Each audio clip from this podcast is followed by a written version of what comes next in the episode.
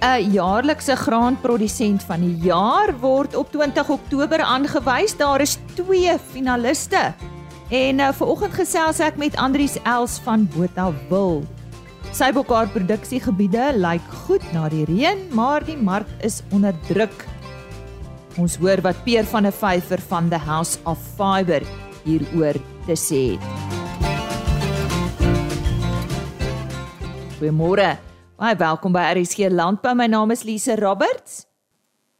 Ons begin veraloggend met landbou nuus. Die Weselike provinsie het as kampioene uit die stryd getree by vanjaar se nasionale jeugskou kampioenskap wat by Augsburg in Clan Willem plaasgevind het. Dit volg nadat die Noordwes provinsie verlede jaar met die Louere weggestap het. Die WP span het homself van laas jaar se geleentheid onttrek weens back and closure, maar het hierdie jaar met mag en mening teruggekeer. Die primêre doel van die jeugskou is om 'n affiniteit vir landbou onder die jeug te kweek.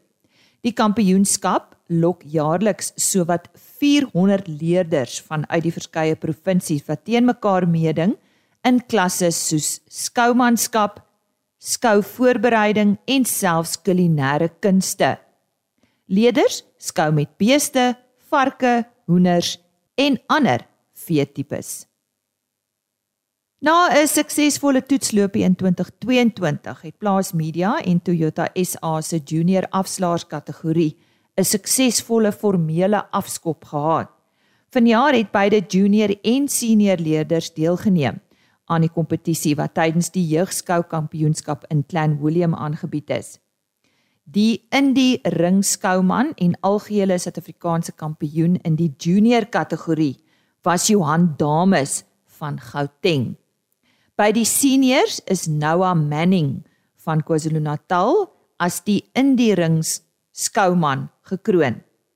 Die algehele wenner en nasionale kampioen was Nick de Beer van Limpopo. Lyk like omtrent soos ek lyk in die oggend. Kyk net hoe pragtig is daai vere gebou. Mooi ronde tekstuur daarso. Pragtig gekleed. Perfekte skouer vir u. Volgens my kennis loop sy statistieke as volg dat hy verlede jaar se SA wenner by die hoenderskou ook was. Dit wil sê hierdie is 'n bitter goeie hoendertjie vir julle om daarby te hê. Dan trek ons sommer weg net so dames en here rangs. Daar in op better right die runner right die now right ja. Ah, 85 uh, ready 5 run 90 now. It is 1990 day run 95. 95 now do 100 uh, 100 day. 110 so we do 110 110 now 120. En so klink Nick de Beer, die algehele wenner en nasionale kampioen. En dit is in die junior afslaers kategorie. Die landbouorganisasie SAI sê die verhoging van R2 per liter in die prys van diesel tref boere op die slegste moontlike tyd. Kenners meen Oktober is 'n maand waarin grond voorberei moet word en diesel is dan een van die grootste uitgawes op saaiboere se insetbegroting. Dieselprysstygings het dus 'n direkte impak op die winsgewendheid van graanproduksie. Die totale veebedryf is ook van voer afhanklik en word indirek deur die produksiekoste en beskikbaarheid van graan geaffekteer. En volgens Wandile Sihlobo van Agbus sal die onlangse vloede in die Wes-Kaap 'n minimale impak op oeste hê. Behalwe vir oeskwaliteit wat 'n probleem kan wees. Hy sê die suidelike streke kan 'n mate van skade hê, maar die omvang daarvan bly onduidelik. Rolspelers sê die oestoestande in die Wes-Kaap het wel gevolge vir Suid-Afrika se winterkoring oesgrootte, aangesien 'n verwagte groot winteroes vir die provinsie verwag word. Dit oorskadu die verwagte afname in die Vrystaat en Noord-Kaap. Dis dan die nuus, ons gaan voort met vandag se program. As jy nou eers ingeskakel het, goeiemôre. Jy luister na RSG Landbou. Baie welkom. Die graanprodusent van die jaar toekenning vir uitmuntende graanproduksie is 'n gebeurtenis van groot betekenis in Suid-Afrika met 'n ryk geskiedenis wat oor 22 jaar strek. Hierdie toekenning word deur Graan SA aangebied en erken die mees effektiewe en doeltreffende graanprodusente in die land en gaan veel verder as net landbou. Die toekenning beklemtoon ook die belangrikheid van 'n produsent as rolmodel en sy of haar vermoë om winsgewende en volhoubare graanproduksie te bevorder. Daar is vanjaar twee finaliste. Vanoggend gesels ek met Andries Els van Botawil. Andries het in 1994 saam met sy pa in die Heilbron distrik begin boer en vandag bly hy op die plaas Valencia in die Botawil distrik. Andries, vertel ons net kortliks meer van jou boerdery hoofstuk in Botawil. Dit is my voorreg om julle te gesels vanmôre. Ehm um, in 20 jaar gelede in 2003 het ek en Marise ons in Botawil kom vestig op die plaas Valencia Met genade van bo, harde werk en deursettingsvermoë pluk ons vandag die vrugte. Ek het mielies geplant, sonneblom, 'n klein persentasie koring en in 2010 was 'n baie nat seisoen en ons oes het versuip. Te veel water bly in ons omgewing een van ons grootste risiko's. Dit het my gedwing om te diversifiseer en ek het toe 'n varkboerdery oorgeneem Die rede vir 'n varkboerdery was dat ek my eie bemarkbare diere teel om selfvoorsienend te wees. 'n Groot deel van my geelmelieoeste gebruik ek by varkboerdery, dus verleng ek my waardeketting verder. In Tabazimbi boer ons met eksotiese wild en was ons deel van die boom in die wildbedryf. Dit het my saaiery 'n goeie hupstoot gegee. In 2016 het ek besef dat die wildboerdery nie meer so goed doen nie vanweë verskeie redes soos ons maar weet droogte en 'n resessie. Ek het as gevolg daarvan toe besluit om my fokus te skuif na ekstensiewe beesboerdery met ons maras. Veepryse was laag op daardie stadium omdat dit baie droog was en kon ek uitsoek diere teen billike pryse kry. Ek was ook gelukkig om goeie weidingsgrond in Kroonstad omgewing te kon koop. Ek het my beesboerdery uitgebrei deur 'n veldmaster kudde waarop ek drukbeweiding toepas en dit verhoog my draagkrag aansienlik. In 2022 het ek deel geword van Valstrivier Bonsmara groep. Dit het my die geleentheid gegee om vir my kudde se genetika op veiling te verkoop. Verlede jaar het ek kundige mense in die varkbedryf ingebring en besluit om my varkboerdery te vergroot en met 'n hoë gesondheidskudde te begin. In 2024 kan ek dan die nuutste Danbred genetika vestig in my varkbehuising. Die laaste 5 jaar 5 jaar wil ek vir jou sê, ehm um, kon ek meer tyd aan my saaiboerdery spandeer en dit ek het uitgebrei omdat die ander vertakkings reeds toe op been was. Dit was baie belangrik uit die oogpunt van ekonomie van skaal. Saaiery is in my bloed, daarom hou ek daarvan om te stroop want dan sien mens die resultate van presisie toediening arbeidersinsette en werking van onkruiddoders.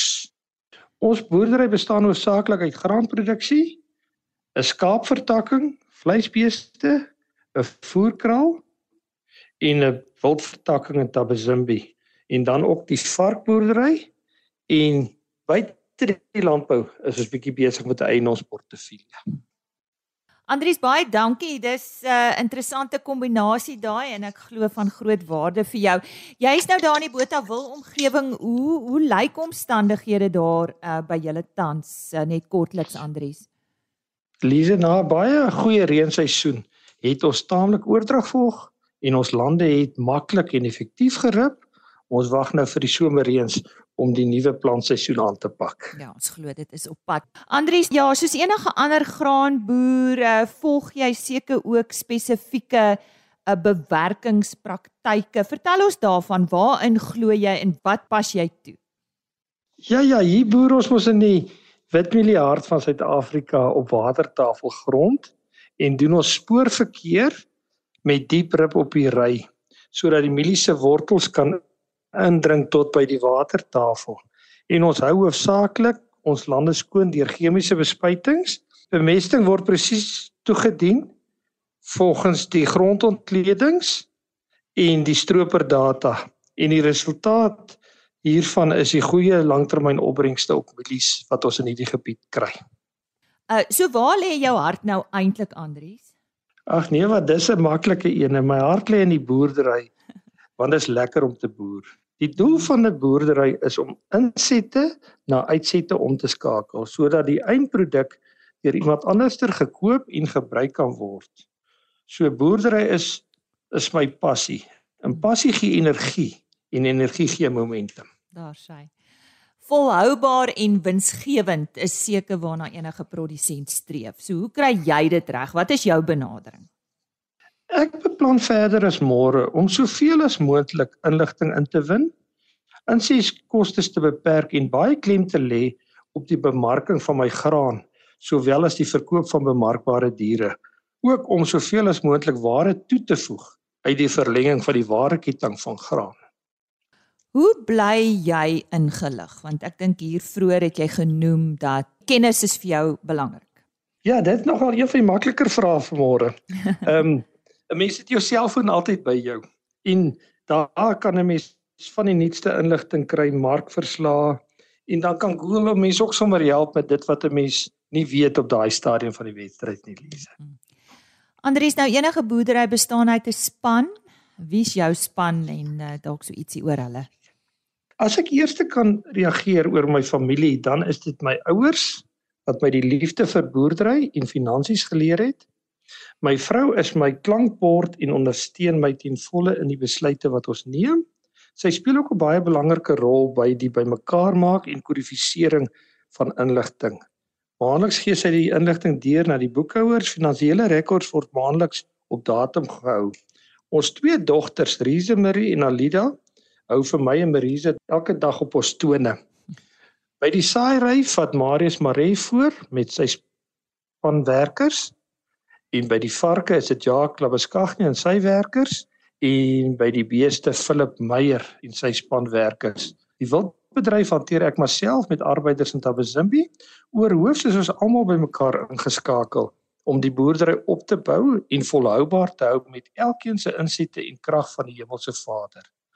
Ons sukses is gebaseer op spanwerk. Daarom is elke persoon by Bloemsig Trust ewe belangrik graag by jou wil hoor wat is jou siening van landbou? Hoe bly jy positief? Waaraan glo jy? Deel 'n paar gedagtes met ons.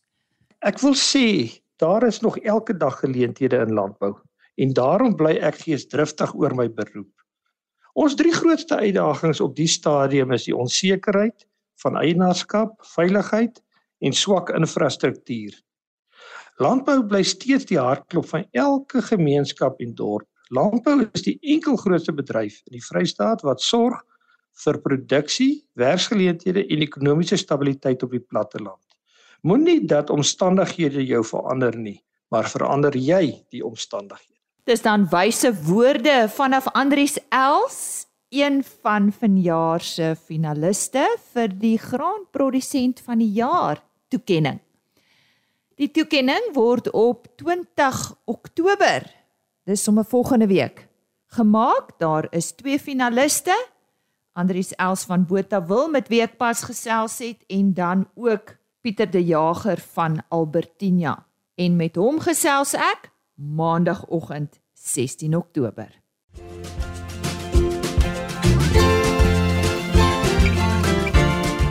Nou ja, ons het gisteroggend oor die wolmark gesels met uh, Leon Du Plessis van BKB en vanoggend praat ons oor uh, bokkar. Ja, Suid-Afrika is bekend vir hulle kwaliteit sybokkar en ons praat met die hoofbestuurder van the House of Fiber uh, Peer van 'n vyfer. Peer, ja, hoe staan sake op hierdie stadium? Ek sien julle het ook in Augustus veilinge hervat wat het gebeur sedert uh, Augustus maand? Ja, goeiemôre. Ons het goeie en slegte nuus. Uh die goeie nuus is dat ons produksiegebied lyk baie beter as wat dit 'n jaar terug gelyk het.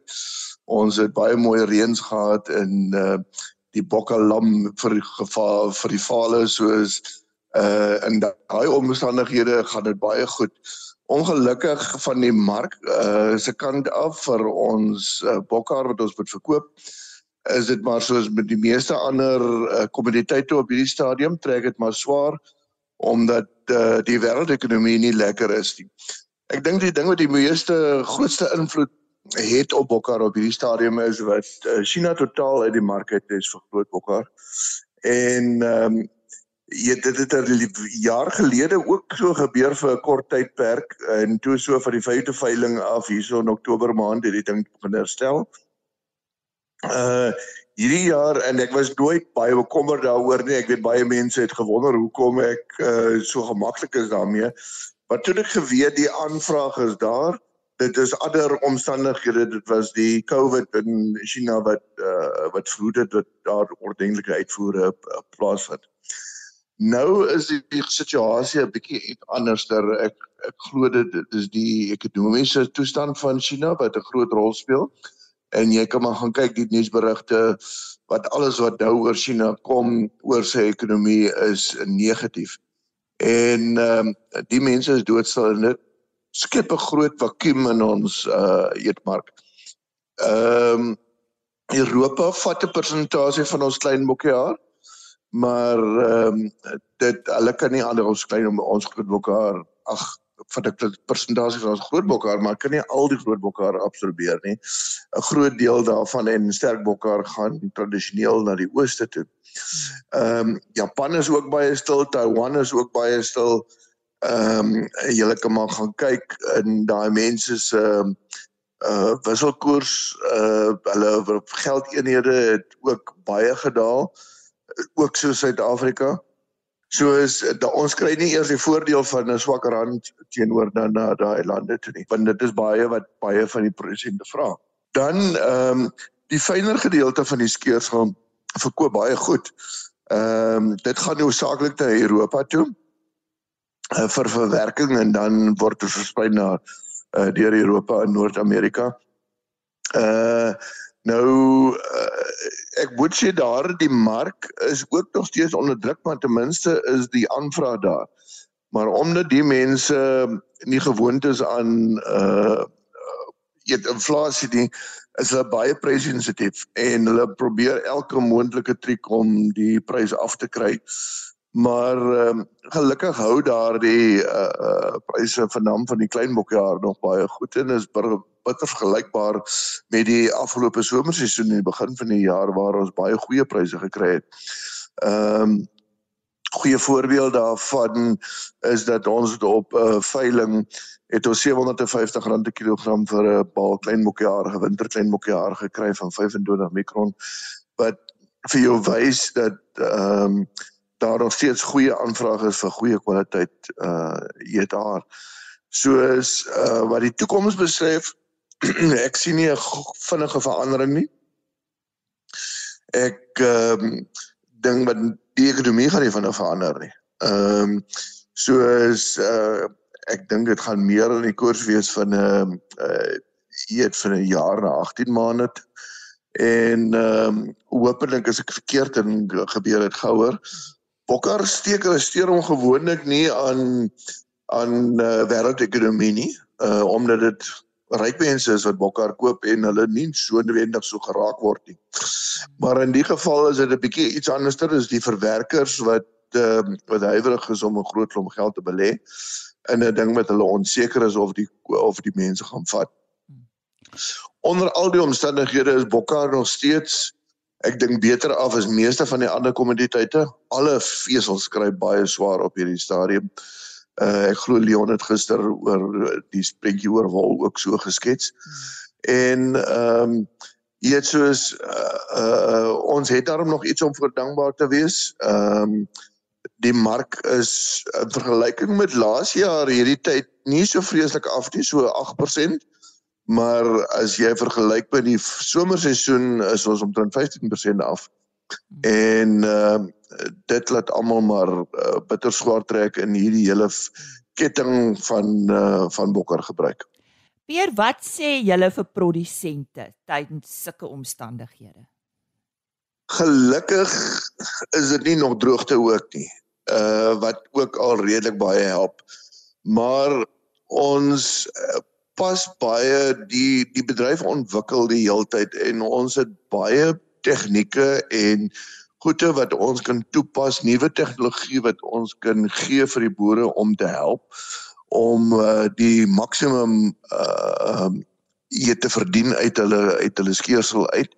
Uh goed is soos die is is waar ons werklik met 'n rekenaarprogram ingaan waar ons meet om te weet wat jy bo kan net wat dan hand en oog doen uh regtig die diere identifiseer wat vir jou die beste inkomste gee en mense wat dit nog nie gedoen het, dis sal vir ons en sê ag dit maak nie 'n groot verskil nie. Ek gaan vir jou sê ons het by een van die stoet uh stoete die ontleding gaan doen en die man was totaal verbaas. Ehm um, byvoorbeeld daar is 'n stoetooi by hom wat 'n inkomste van R6000 'n jaar vir hom gee, maar daar's ook 'n stoetooi wat uh onder 1000 rand inkomste gee. En hy het gedog al sy goede is geklas en hulle is almal min of meer op standaard. Hy het besef die verskille tussen 'n bok wat regtig goed teel is so groot en uh jy en as jy dit nie met 'n masjien kan gaan identifiseer en uithaal nie. Soos en uh ons doen ook werk uh in die bemarkingskant. Uh dis langtermynwerk, maar ons lig die boere in rondom dit waar uh, ons werklik kyk na alternatiewe markte en die manne moet net vashou. Uh dit is maar die storie wat ons is nie 'n storie nie wat ons is werklik oortuig daarvan dat die die die toekoms van Bokkar lyk uiters belovend. O oh ja, dis uh, kom ons sluit af op daardie hoë noot sê baie dankie vir die hoofbestuurder uh, van The House of Fiber Peer van 'n vyfer wat vandag met ons gesels het oor uh, Suid-Afrika en uh, hoe ons vaar ten opsigte van 'n bokhaar. Daar is 4 aspekte wat belangrik is as ons praat van volhoubaarheid in die suiwelbedryf. Nou, ek het verlede week met Jompie Burger van die Suiwelstandaard Agentskap gesels oor produkgehalte en veiligheid. Dit is waarop hulle fokus. En uh môreoggend in RSG Landbou Dr Heinz Meisner. Hy is uh die projekbestuurder hiervan vir Melk SA en hy vertel ons wat hierdie vier aspekte is en praat ook in meer besonderhede daaroor. Dis waarna jy kan uitsien in môre se RSG Landbou en soos altyd Johan van der Berg op sy pos met nuus oor ons weer baie belangrik vir landbou. Chris Derksen ook vleispryse van veilinge daar in die Noord-Vrystaat. Onthou RSG Landbou is op rsg.co.za as potgooi beskikbaar. Dis dan die volledige program. As jy dalk net na 'n onderhoud wil gaan luister, beste is www.agriorbit.com. En dan sluit ek af met 'n e-posadres: rsglandbou@plaasmedia.co.za www.rsg.za. RSG Landbou is 'n plaas media produksie met regisseur en aanbieder Lize Roberts en tegniese ondersteuning deur Jolande Rooi.